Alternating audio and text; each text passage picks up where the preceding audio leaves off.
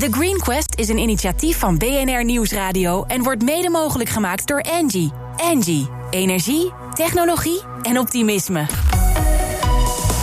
BNR Nieuwsradio. The Green Quest. Harm Edens. De roep om een betere wereld na de coronacrisis wordt steeds luider. Wij werken alvast aan een groenere planeet en daar hebben we echte innovaties in het bedrijfsleven voor nodig.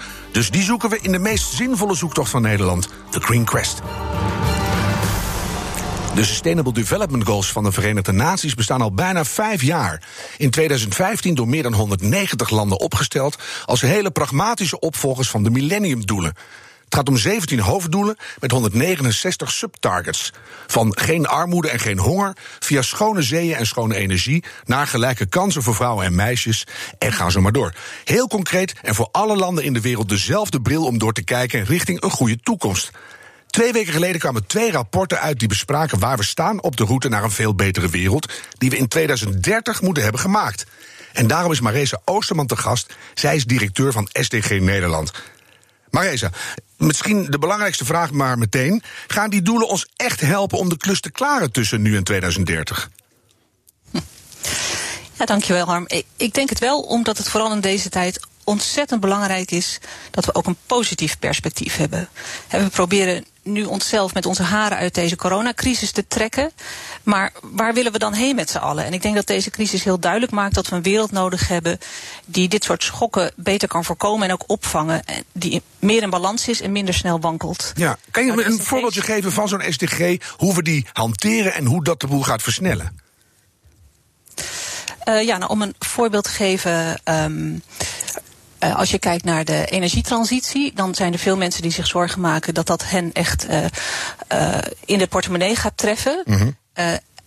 en als je alleen naar energie kijkt, dan is dat misschien ook een logische gedachte. Als je daarentegen redeneert vanuit de SDG's, die gaan bijvoorbeeld ook over armoede en gelijkheid, dan ga je veel meer, zoals jij net zo mooi zei, door een bepaalde bril kijken. En die bril laat je dan zien dat je ook prima die energietransitie kan doen door mensen juist. Um, meer zekerheid te geven. Bijvoorbeeld door uh, in overleg met um, verhuurders en technologiebedrijven en energiebedrijven en met de huurders natuurlijk zelf ja. te zorgen voor een, um, een energierekening die uiteindelijk op termijn betaald kan worden en voor de huurder gunstiger is in plaats van ongunstiger. Ja, dat klinkt meteen al veel beter. Er zijn nu internationale ranglijsten, daarop kunnen we zien hoe goed alle individuele landen het doen. Maar de meeste problemen waar het over gaat, die zijn mondiaal. En helpen de SDG's nou ook om de problemen met meer landen tegelijk aan te pakken? Ja, zeker. Als je allemaal dezelfde doelen deelt, dan kun je natuurlijk ook uh, dezelfde uh, oplossingen delen. Uh, ze helpen ook heel erg om kritisch naar jezelf te kijken. Bijvoorbeeld in Nederland zien we dat, laat het CBS zien, dat onze milieuvoetafdruk in het buitenland groeiende is. Nou, dat is natuurlijk helemaal niet de bedoeling. Dat we nee. bijdragen aan meer grondstofverbruik, meer CO2-uitstoot in andere landen. Onze sociale voetafdruk is wat minder duidelijk. Dus hoe, wat is onze invloed op, op bijvoorbeeld armoede en op fatsoenlijk werk en gelijkheid? Mm -hmm. Het zou goed zijn om daar een wat beter beeld van te krijgen. En verder gaat de laatste SDG helemaal over internationale samenwerking. Hoe kunnen we um, samenwerken bijvoorbeeld aan ecologische technologie door dat uh, meer te delen. En dat geeft gelijk ook hele mooie kansen. En ik denk dat daarvan een heel mooi voorbeeld uh, twee weken geleden in jouw programma zat. De waterdispenser, waarmee ja. je ook een spa en frisdrank kan maken van kraanwater. En wat ik heel grappig vond... Uh, was dat het jurylid Annemarie Rakhorst uh, gelijk kwam met het idee van... oh, en, uh, maak er dan gelijk een dispenser van die voor ontwikkelingslanden kan zorgen voor schoon water. Want daar ontbreekt het vaak nog aan. Dat is echt een manier waarop je met de SDG's kunt gaan kijken ik heb hier een mooie oplossing voor een probleem wat eigenlijk mondiaal is. Dus dat geeft mij ook enorme uh, marktkansen. Zowel in ontwikkelingslanden als bijvoorbeeld ook in de EU. Want ook die stelt SDG centraal in ja. hun echte kernprioriteiten, zoals de Green Deal. En dan doen we het ook goed, hè? want we hebben hier de noodzaak om te veranderen. En ook de techniek en het geld om uh, die innovaties te doen. En die kunnen we dan uh, weggeven aan de rest van de wereld. En dan zijn we volgens mij heel snel bezig met z'n allen. Nou, dat is een goed kort antwoord, ja. Nou zijn die SDG-doelen, die, die gaan over 2030. Hè? En de gemiddelde politici die zitten er vier jaar. En de CEO's denken van, uh, nou, doe dat maar lekker na mijn tijd. Is die, is die range van tien jaar die we nou nog hebben, is die niet te lang eigenlijk? Nou, ik vind eigenlijk dat we op dit moment juist een, een, een losse verzameling van vaak korte termijn plannen hebben. En wat we echt nodig hebben is een samenhangende langetermijnvisie voor Nederland. En daarvoor moet je ook beginnen in de toekomst. Want daarmee gun je jezelf eigenlijk de ruimte om te gaan denken in termen van kansen vanuit de toekomst. Mhm. In plaats van problemen in het heden. En vanuit daar kun je natuurlijk terug gaan redeneren naar de stappen die je nu moet zetten. En een heel mooi voorbeeld daarvan vind ik uh, vlees. Ja. Het wordt steeds duidelijker wat de milieubelasting daarvan is. Broeikasgassen bijvoorbeeld en stikstof, daar ging het net nog over in het nieuws. Uh, en natuurlijk het risico dat het oplevert als mensen en dieren zo dicht op elkaar zitten. Nou, kweekvlees zou er echt een oplossing voor zijn, omdat het vlees opkweekt uit een cel. Maar we vinden het nu nog heel uh, vreemd.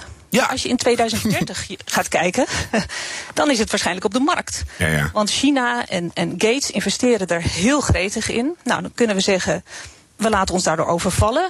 Of we kunnen zeggen, nee, wij worden weer marktleider. Want dat waren we ooit. Nederlanders hadden het eerste patent, de eerste kweekburger. Dus die rol kunnen we terugpakken. Dat is ons idee, maar... dus uh, laten we dat gaan ons doen. Idee. Ja. Maar nou, dan moet je wel met een vooruitziende blik kijken... en nu die keuze durven maken, dat lef ook tonen. En daarom heb je die scope van tien jaar nodig, je rekent terug. Nou kwamen twee weken geleden twee rapporten uit... die de voortgang bespraken, we waren daar alle twee bij.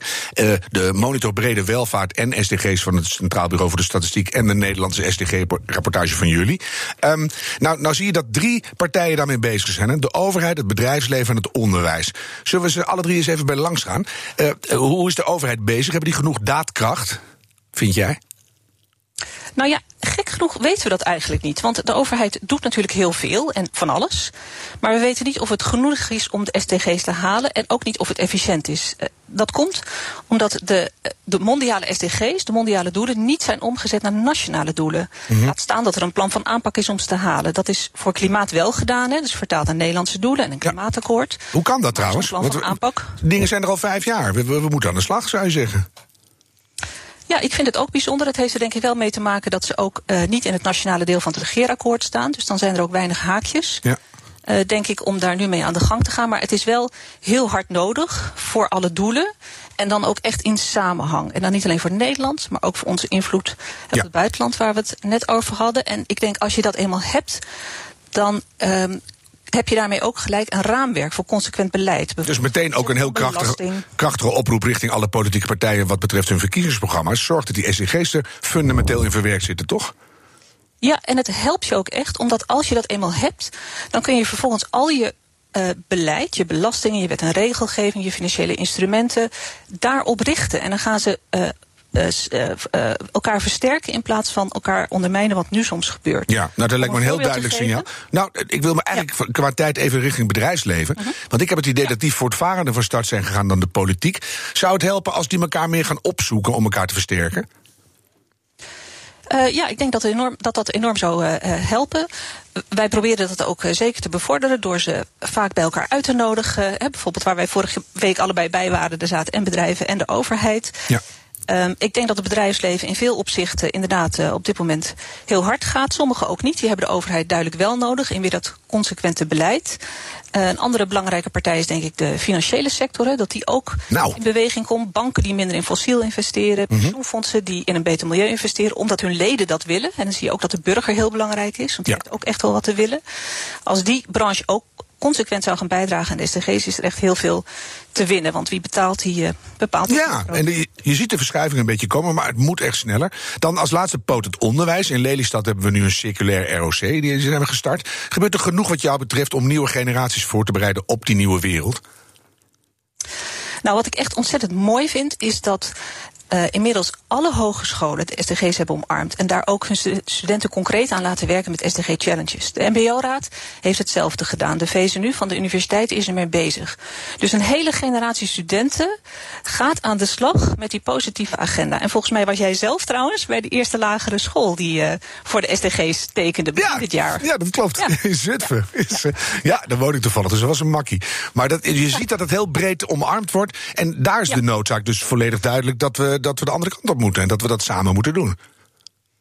Ja, en dat is de volgende generatie. Dus ik vind dat echt uh, ontzettend mooi om te zien. En dat is werkelijk gewoon helemaal hun eigen initiatief. Dus ja. daar zie je dat het echt leeft. Ja. Nou, nou hebben we de covid om het maar even zo samen te vatten. Er gaat heel veel geld de economie in. Heb jij het gevoel dat we nu een krachtige stem vanuit de SDG-unit moeten laten horen om bewust geld naar goede dingen te laten gaan? Wat zou jouw advies zijn?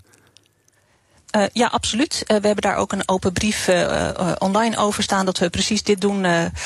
Uh, oproepen om alle investeringen die we nu doen te richten op de SDG's. En dat mm -hmm. geldt dus voor de herstelfondsen, maar het geldt zeker ook voor het instrumentarium wat er al ligt. Zodat we met z'n allen dezelfde kant op werken, want dan kun je ook veel makkelijker samenwerken. En dan ben je echt gericht en efficiënt bezig. Ja, en dan snappen we ook met z'n allen hoe we dan in 2030 die betere wereld uh, een beetje binnen handbereik gaan krijgen. Ik ga je enorm bedanken. Marees Oosterman, directeur van SDG Nederland. BNR Nieuwsradio. The Green Quest. Harm Edens. Dirk Loorbach is professor socio-economische transities aan de Erasmus Universiteit en directeur van Drift, waar ze mensen, steden en bedrijven helpen met de verandering richting een volhoudbare samenleving. Dirk, welkom. Ja, goedemiddag. Je had een, Fijn, uh, dank. Je had een uh, exciting dagje, om het maar even internationaal te zeggen. Want je komt net uit een videocall voor de United Nations Environment Assembly. Wie zaten er naar jou te luisteren daar? Uh, nou, dat vond ik wel indrukwekkend. Onder andere de Franse minister van Ecologische Transitie. Ja, je bedenkt het niet, maar die, die, die zijn uh, hard aan de weg aan het timmeren in Frankrijk. Ja, nou dat mag ook wel, want die lagen ook flink achter, dacht ik. Hoe lang mocht je spreken? Uh, nou, het was in een twee uur durend uh, forum. Het is onderdeel van de VN Mondiale General Assembly. Dus dan kan iedereen meepraten. Mm -hmm. uh, we hadden 15 minuten. En daarna eigenlijk best wel veel tijd voor interactie met het wereldwijde publiek. Mooi. En wat heb je kort samengevat gezegd? Uh, ik ben onderdeel van een, een, een vijfkoppig auteursteam. En uh, eigenlijk is de eerste uh, in een serie VN UNEP, dus het de milieutak, brengt briefs, policy briefs noemen ze dat daar dan voor business uit. Mm -hmm. Vorig jaar verscheen natuurlijk dat mondiale uh, biodiversiteitsrapport over de staat van het milieu en, en de uh, miljoen soorten die op het punt staan om uit te uh, sterven. Ja. Maar vooral de boodschap hoe slecht het gaat. Uh, en die boodschap proberen ze nu naar het bedrijfsleven en de economie te vertalen. En uh, de eerste uh, brief die wij schreven, die gaat over de nature positive economy. En ja, de noodzaak eigenlijk voor bedrijven om zelf in transitie te gaan. Ja, en, en hoe reageerden die ministers op je bijdrage? En, en misschien nog belangrijker, had je doordat ze je begrepen en geloof je ze ook? Nou ja, dat, je stelt al heel veel vragen tegelijkertijd. Dat, het begrip is er uh, wel en dat is een enorme winst. Uh, en daar helpt die huidige corona- of covid-crisis natuurlijk wel enorm mee. Dat, mm -hmm. uh, we praten al, al misschien wel 30, 40 jaar over duurzaamheid en, en die duurzaamheidsdoelen. De, de, op zich zijn die hartstikke goed. Maar eigenlijk merkte ik de afgelopen maanden dat mensen toch eigenlijk niet in transitie geloven. Nee. Dus eigenlijk de hele tijd naar de toekomst kijken van we, we doen alles tegelijk en, en alles wordt uh, stapje voor stapje een klein beetje beter. Eigenlijk zoals we in Nederland ook uh, polderen en, en eigenlijk ook wat uit de recent gepresenteerde brede welvaartsmonitor uh, blijkt. Ja. Uh, we, we ruilen eigenlijk uh, vooruitgang op doelen een beetje uit. En, en we proberen alles tegelijkertijd te doen. En uh, telke malen is dan weer de wetenschappelijke conclusie: het gaat uh, ten koste van uh, natuur en milieu. Omdat je dan, wat jou betreft, denk ik, eigenlijk niet in een echte transitie gelooft en daar ook niet mee bezig bent. En je bent eigenlijk alleen maar het oude systeem een beetje aan het opklooien, een beetje aan het verduurzamen. En, en dan verandert er nooit iets fundamenteels. Dat is een beetje de kant die je op wil, denk ik. Nou ja, er zit, er, er zit een raar soort twist in, in het onderzoek wat wij doen naar transities. eigenlijk is het patroon dat we proberen vanuit de beste bedoelingen vaak uh, uh, het bestaande te verbeteren. Mm -hmm.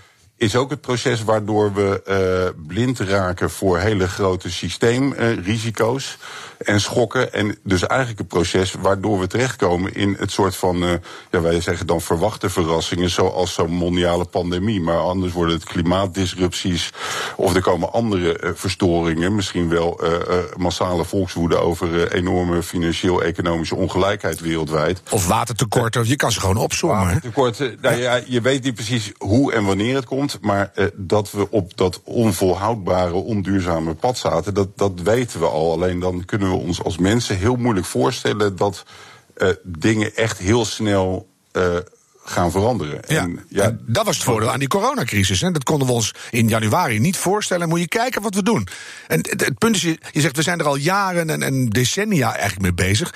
Dingen als economische waarde versus echte waarde. Het geldsysteem aanpakken, laag btw-tarief op arbeid... en hoog op vervuilende zaken. CO2-beprijzing, transparantie, noem maar op. En eh, waarom duurt het zo lang? We weten nu hoe het zit. Covid bewijst dat we echt moeten veranderen. Ook voor mensen die er niet in geloofden.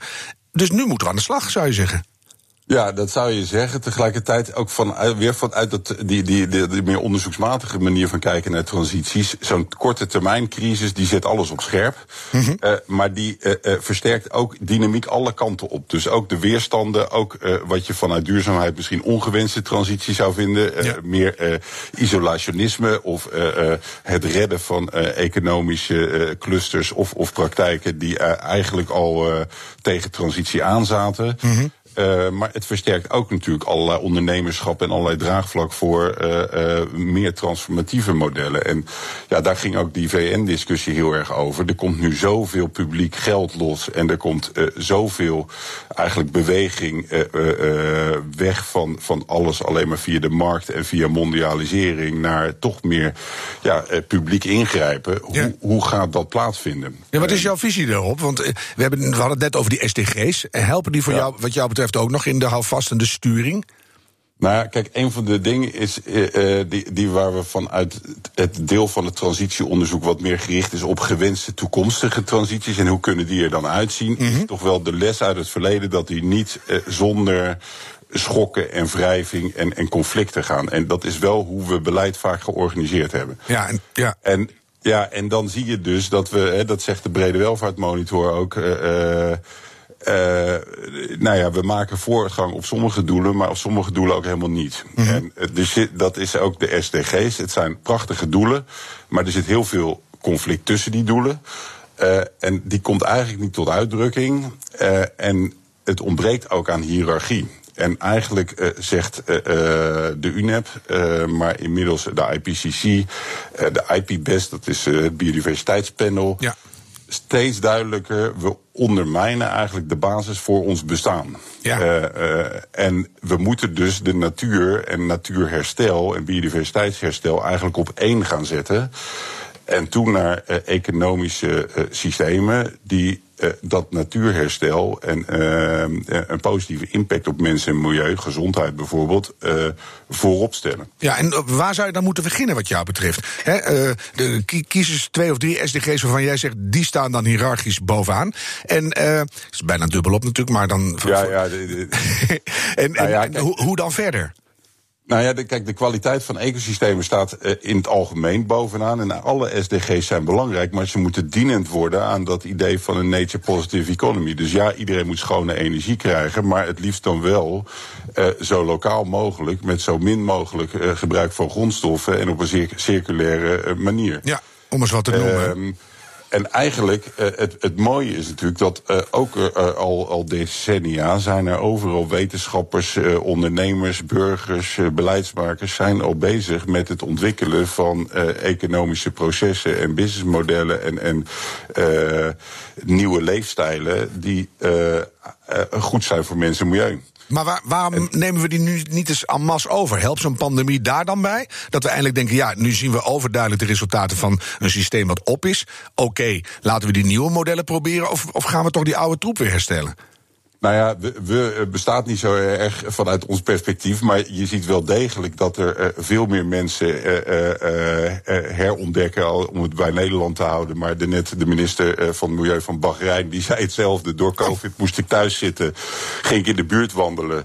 En eh, ontdekten we met elkaar eh, eh, hoe fijn het is als de lucht een beetje schoon is. Ja. Nou, ja, dat, is Oh. dat is wel leuk om van de minister van Bahrein te horen. Ja.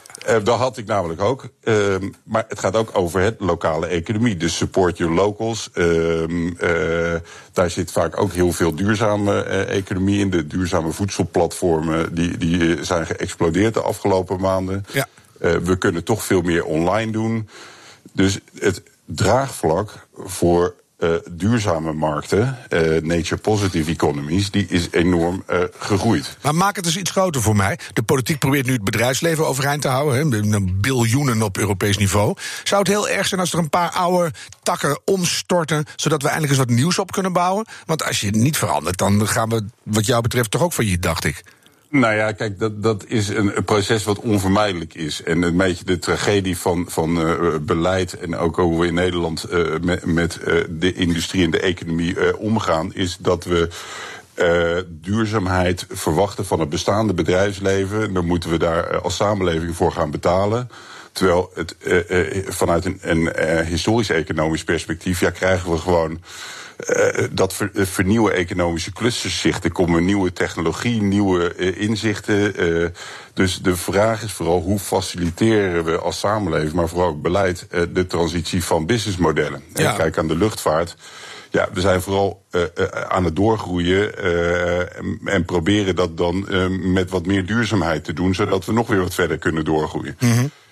Terwijl je dat eigenlijk ook gewoon zou kunnen afslanken nu. Dat je zegt, nou, we hebben misschien veel minder nodig. Ja, en maar dan moet je dus ook voor KLM uh, nadenken. Daar moet KLM bij geholpen worden om naar een heel ander businessmodel uh, te gaan. Wat uh, gaat over duurzaam reizen met een eerlijke prijs waarin alle kosten zitten. Ehm, en vervolgens moeten we nadenken hoe maken we dat voor iedereen toegankelijk. Ja, doe, doe er eens een jaartje bij nu. Er gaat heel veel gebeuren. We krijgen een flinke recessie. De beurzen staan all-time high. De Nederlandse bank zegt nu, nou, de huizenprijzen zullen wel ietsje zakken, maar niet al te erg. En in 2021 bouncen ze weer een beetje back. Waar zijn we over een jaar tijd? Wat denk jij? Liggen we op koers om 2030 te halen? Ik denk dat er het komende jaar in, in, uh, op enorm veel plekken de condities uh, gecreëerd gaan worden die uh, duurzaam, of in ons geval in, in onze woorden nature positive economies, ja uh, lonend gaan maken. En dat zit hem heel veel in investeringsmodellen, dat zit hem in de uh, accountancyregels, dat zit hem in uh, wat waarderen we en wat waarderen we niet. Dat zit hem ook in beprijzing natuurlijk. Hè. We hebben de CO2-prijzen, maar dat zou je in toenemende mate ook gaan zien voor allerlei andere impact op, op natuurlijke hulpbronnen. Ja. Dus aan de ene kant gaan we meer beprijzen en de, naar de echte prijs toe. En aan de andere kant maakt dat het mogelijk om veel meer te gaan belonen. Ja. Gewenst gedrag, gewenste producten, ja. Dus ik, ik hoor wel iets van een, uh, een positieve vibe bij jou richting 2030. Ik ga je ontzettend bedanken en veel succes wensen. Dirk Loorbach, directeur van Drift en Transitiewetenschapper. En natuurlijk dankjewel Marese Oosterman van STG Nederland. Over twee weken reiken wij drie prijzen uit aan de 40 genomineerden in onze Green Gallery. Fijke Siebesma zal een keynote verzorgen. Niet over mondkapjes deze keer. En onze geliefde juryleden zijn daar als eregasten bij. Als je virtueel wil aanschuiven, dan kan dat. Meld je snel aan via thegreenquest.nl, dat wordt heel leuk. En stemmen kan ook nog steeds, dus doe dat. Terugluisteren kan via allerlei kanalen zoals de BNR-app, Apple Music en Spotify. En bedenk minstens één keer per week en doe dat nou. Die volhoudbare wereld, die gaan we samen maken. Crisis of geen crisis. The Green Quest is een initiatief van BNR Nieuwsradio en wordt mede mogelijk gemaakt door Engie. Engie, energie, technologie en optimisme.